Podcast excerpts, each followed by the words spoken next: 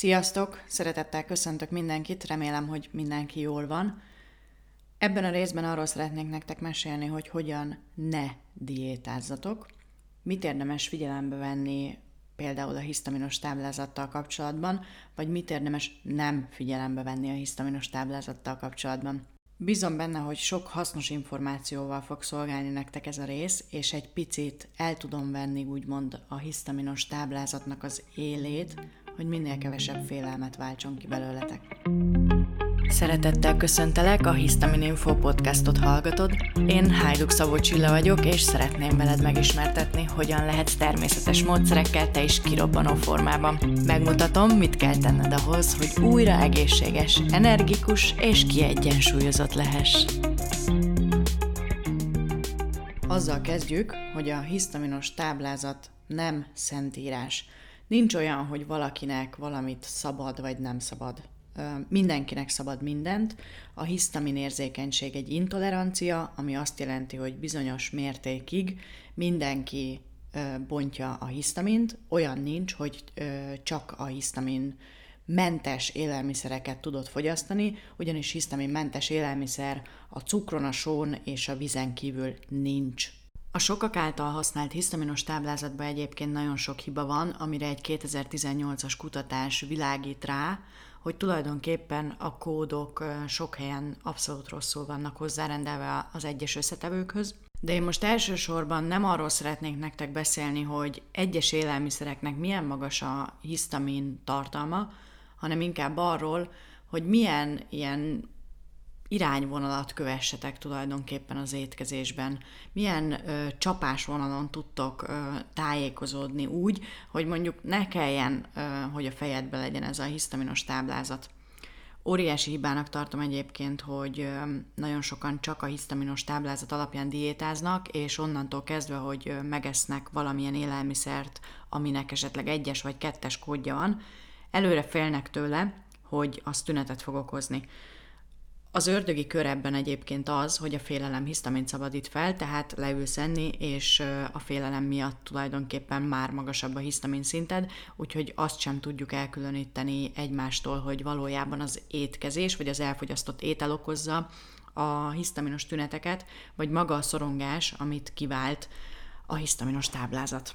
De nem egyesével szeretnék nektek most információkat adni az ételek hisztamin tartalmával kapcsolatban, hanem csak egy ilyen irányvonalat szeretnék mutatni, mégpedig úgy, hogy különböző élelmiszercsoportokat vizsgálunk meg közelebbről, és azt is megnézzük, hogy ha problémás, akkor mire kell odafigyelni, hogy ne legyen problémás.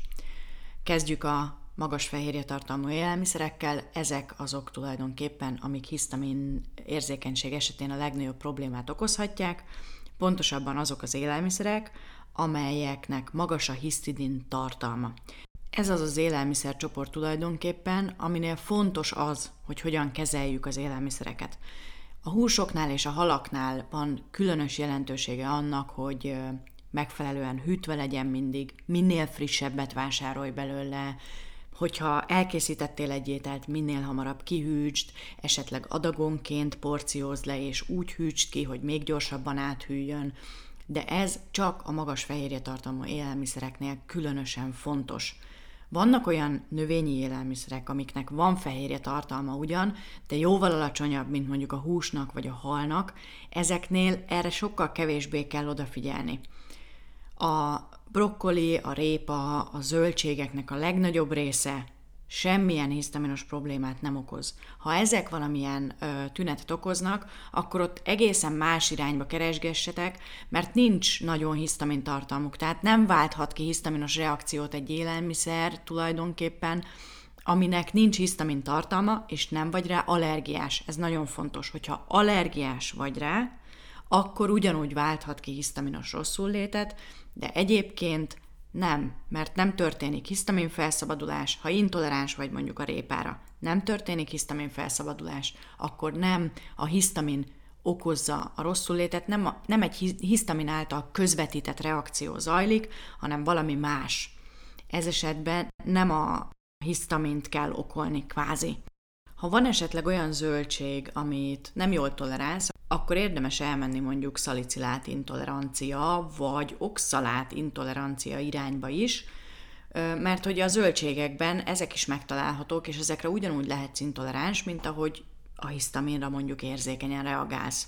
Vannak persze olyan zöldségek, amiknek van hisztamin tartalma, ilyen mondjuk a padlizsán, vagy olyan zöldségek is vannak, amik esetleg hisztamint szabadítanak fel, mint a paradicsom, és a paradicsom különösen alattomos egyébként, mert a paradicsomnak hisztamin tartalma is van, és még felszabadít is. Ettől függetlenül a zöldségek alapjában véve abszolút biztonságosak, van egy-két kivétel köztük, de hogyha párolva készíted, megfőzve készíted, akkor általában nagyon jól tolerálhatóak, könnyen emészthetőek, még az emésztő traktust sem terhelik meg igazából, úgy, mint mondjuk a fehérjék, de hát ott is nyilván rendbe kell hozni a fehérje emésztés folyamatát, és akkor a fehérjékkel sincsen semmi baj. Egy másik nagy élelmiszercsoport a gabonák. Itt én a gluténes gabonákat egy az egybe kizárnám. Szerintem ez a tönkölylisztes ajánlás is egy óriási baklövés, tehát akinek emésztőrendszeri problémája van mondjuk, annak tönkölylisztet sem kéne enni, attól függetlenül, hogy hisztamin szempontból megengedett, nem is nagyon értem, hogy mi alapján sorolják a tönkölylisztet, megengedetnek a búzalisztet, meg nem. Egy nevetséges ajánlásnak tartom egyébként, hogy a búzaliszt egyes kódot kap, a tönkölyliszt meg nem. Egyik kutya, másik ebb, tehát én ezeket egy az egybe egyébként is elhagynám mindenféleképpen jól jön gyulladás csökkentés esetén, hogyha a glutént azt kiszedjük az étrendből, nem fog semmilyen hiányállapot kialakulni ettől, mert a gabonákból nem kapunk olyan mennyiségű tápanyagot, amire szükségünk lenne. Hogyha valaki reggel délbe este kenyeret eszik parizerrel, akkor meg lehet nézni, hogy mondjuk 50 évesen milyen állapotba kerül. Emiatt inkább a zöldségekre fektetném a hangsúlyt, és a jó minőségű fehérjékre, mint mondjuk a gabonákra, mint kiegyensúlyozott étkezés alapja. Egyszerűen katasztrofálisnak tartom, hogy még mindig ott tartunk, hogy az egészséges étkezés az a teljes kiörlésű parizeres zsemle. Pedig lenne egy csomó jó gluténmentes gabona alternatívánk is, lehet sütni nagyon jó magos kenyereket, ami hisztamin érzékenység esetén is teljesen jól tolerálható. Én javaslom, hogy a tönkölylisztes sütögetésről inkább térjetek át ezekre a különböző magos kenyerekre, és nem reklámnak szánom, de tudom, hogy a csoporton belül nagyon sokaknak bejött nálam a hisztaminos receptkönyvből, amit a Rubin Eszter írt receptkönyvből, a magos kenyérnek a receptje, nagyon sokan dicsérték, és azóta is többen sütögetik meg ezt a kenyeret, úgyhogy ha megvásároljátok ezt a receptkönyvet, akkor ez egy jó kenyér alternatíva lehet. De nézzük még ezeket a gluténmentes gabonákat, mert sokszor például a hajdinát a hisztaminosnak mondják, és akkor úristen, hajdinát nem lehet enni. A hajdina az a gluténmentes gabonák közül szerintem egy nagyon jó tápanyag összetételre rendelkező gabona. Ha hántolt, akkor egyébként nincsen hisztamin tartalma, és kereskedelmi forgalomban nem is nagyon kaptok olyan hajdinát, ami ne lenne hántolva. A hajdinalisztekből sem tudtok teljes kiörlésű hajdinalisztet venni, úgyhogy nyugodtan fogyasszátok a hajdinát is. A rizs is egy jól működő, gluténmentes gabona egyébként hisztamin érzékenység esetén, és ezeknek nem kell annyira odafigyelni a hűtés, felmelegítés folyamatára, mint magas fehérje tartalmú élelmiszereknél ott inkább okoz problémát az, hogy 24 órán belül legyen elfogyasztva, ne legyen háromszor felmelegítve 24 órán belül. Ez a gabonákra és a növényi élelmiszerekre nem ennyire szigorúan alkalmazandó szabály. Egy másik nagy élelmiszercsoport, amit semmiképpen nem hagyhatunk ki, azok a zsiradékok. Ne fogyasszatok semmilyen magolajat, tehát repcét se, napraforgót se, szőlőmagolajat se, mert hidrogénezettek, szaktalanítottak, nagyon erősen feldolgozottak, hogyha ez nem így lenne, akkor túlságosan alacsony a füstpontjuk, és oxidálódhatnak hőkezelés következtében. Nem jó az omega-6 és az omega-3 zsírsav arányuk sem, ez különösen egészségkárosító hatású lehet abban az esetben, hogyha egyébként is valamilyen gyulladásos folyamattal küzdesz. Az omega-6 zsírsavak ezt még jobban felerősíthetik, Amit használhatsz ezek helyett, azok az állati forrásból származó telített zsírsavak. Például, ilyen a kacsazsír vagy a sertészsír.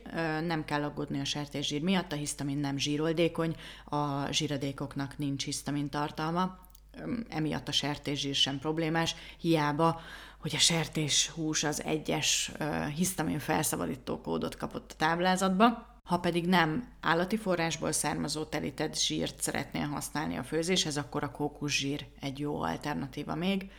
Viszont ha a kókuszsír nem feldolgozott, tehát nincs szaktalanítva vagy hidrogénezve, akkor nagyon erősen kókuszillata van, és van egy kis kókusz beütése is. Ha viszont olyat használsz, aminek nincsen kókuszillata és nincsen kókusz íze, az már megint egy feldolgozott, szaktalanított és jobb esetben csak szaktalanított és nem szaktalanított és hidrogénezett zsíradékról van szó. Térjünk ki még egy picit a tejtermékekre és a növényi tejpótlókra, vagy tejhelyettesítőkre. A növényi tejtermékek fermentációval készülnek, emiatt van egy ö, alacsony ugyan, de van egy pici ö, hisztamin tartalmuk. Az állati tejtermékekre pedig nagyon sokan reagálnak, mert egyébként mondjuk van még egy tejfehérje érzékenységük, vagy esetleg laktóz intoleranciájuk, emiatt a tejtermékek az egy ilyen nagyon necces kategória. Ráadásul a boltba kapható tejtermékek, amik még agyon vannak vizezve, meg pasztőrözve, meg ultramagas hőkezelés alá vetve, ezt semmiképpen senkinek se ajánlom, akkor se, hogyha úgy érzed, hogy hogy neked nincs problémád a tejtermékekkel. Amit viszont ajánlok, hogyha valaki úgy érzi, hogy nem okoznál a problémát a tejtermék, hogyha mondjuk a piacon termelőtől tudsz szerezni jó minőségű kecske tejből készült tejtermékeket, vagy esetleg néha napján egy-egy nyers tejből készített, tehéntejből készített tejterméket.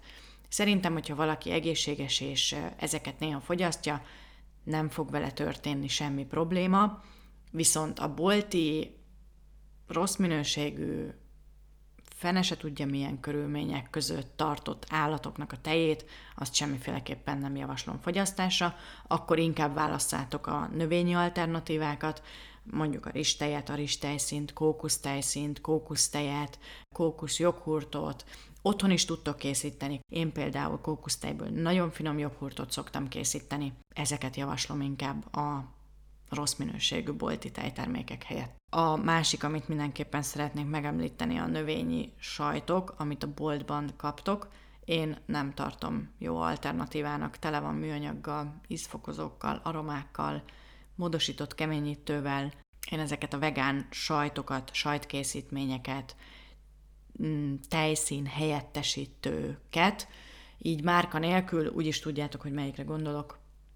Abszolút egészségtelennek tartom. Pont. Igazából a mondandója ennek a podcast résznek az lenne, hogy engedd el a szabályokat, engedd el a hisztaminos táblázatot, a táblázattal kapsz egy mankót, amiben látod, hogy oké, okay, a dió mondjuk hármas kódot kap, a pisztácia meg nullást, vagy a makadámia dió meg nullást, és nagyjából tudod, hogy mihez tartsd magad, hogy mondjuk az első időben milyen élelmiszereket fontos kiszűrnöd ahhoz, hogy jobban legyél. Amikor túl vagy a kezdeti állapoton, akkor próbálkozz. Padlizsán szeretnél lenni? Próbáld ki. Próbáld ki, hogy te hogy reagálsz rá. Ne foglalkozz azzal, hogy az akármilyen csoportba a nem tudom, Katika azt mondta, hogy padlizsánt nem lehet enni, mert az kettes kódot kapott. Mindent lehet enni, addig, amíg tünetmentes maradsz. Hogyha te tünetmentes maradsz a ketchuptól, akkor egyél ketchupot. Persze legyen bio, meg ne legyen benne sok cukor, meg ha legjobb, hogyha te otthon készíted. Jó, a ketchup nem volt jó ötlet. Paradicsomszósz. Hogyha nincs bajod a paradicsom szósztól, akkor egyéb paradicsom szószt, és ne foglalkozzál vele, hogy a hisztaminos diétában nem fér bele. Nagyon különbözőek vagyunk, nagyon különböző az anyagcserénk, különböző az, hogy, hogy nagyjából hogyan bánunk el a hisztaminnal. Van, akinek tényleg problémát okoz még az is, hogyha a rist nem rakja hűtőbe, van, akinek meg az sem okoz problémát, hogyha mondjuk megeszik egy fej nyers paradicsomot nyáron salátába beleszeletelve, de ha megenne egy pizzát élesztővel paradicsomszószal, az már problémát okozna. Mindenki különböző, ez nem egy tiltólista, ez egy orientációt segítő élelmiszerlista. és lépjetek túl ezen az ezt nem szabad, azt nem szabad. Mindent szabad, de legyen természetes élelmiszer. Ez ne legyen egy felkérés a keringőre, hogy berontasz a boltba és megveszed az első gluténmentes kész süteményt. Nem így értem, hogy nyugodtan fogyaszt bármit, hanem úgy, hogy ne azon gondolkozzál, hogy a padlizsán problémát fog okozni, hanem a készételeket hagyd el. Teljesen. És hogyha ezt így csináljátok, és természetes összetevőkből saját magatok készítitek az ételeiteket, akkor higgyétek el, hogy ettől már óriási javulás fog bekövetkezni. Remélem, hogy átjött ennek a résznek a lényege, hogy ne a hisztaminos táblázat határozza meg azt, hogy mit eszel, hanem te magad határozd meg, és hogyha kell, akkor vezess egy listát, hogy ezt így és így toleráltam, vagy ezt éppen rosszul toleráltam. Tulajdonképpen összeállítasz egy egyéni érzékenységet tartalmazó táblázatot, és ez az, ami a tiéd igazából. És ne foglalkozz azzal, hogy ki mit mond, hogy mit tehetsz. Tapasztald meg, és hidd el, hogy hosszú távon ez fog a legjobban működni. Jövő hét hétfőn találkozunk, sziasztok!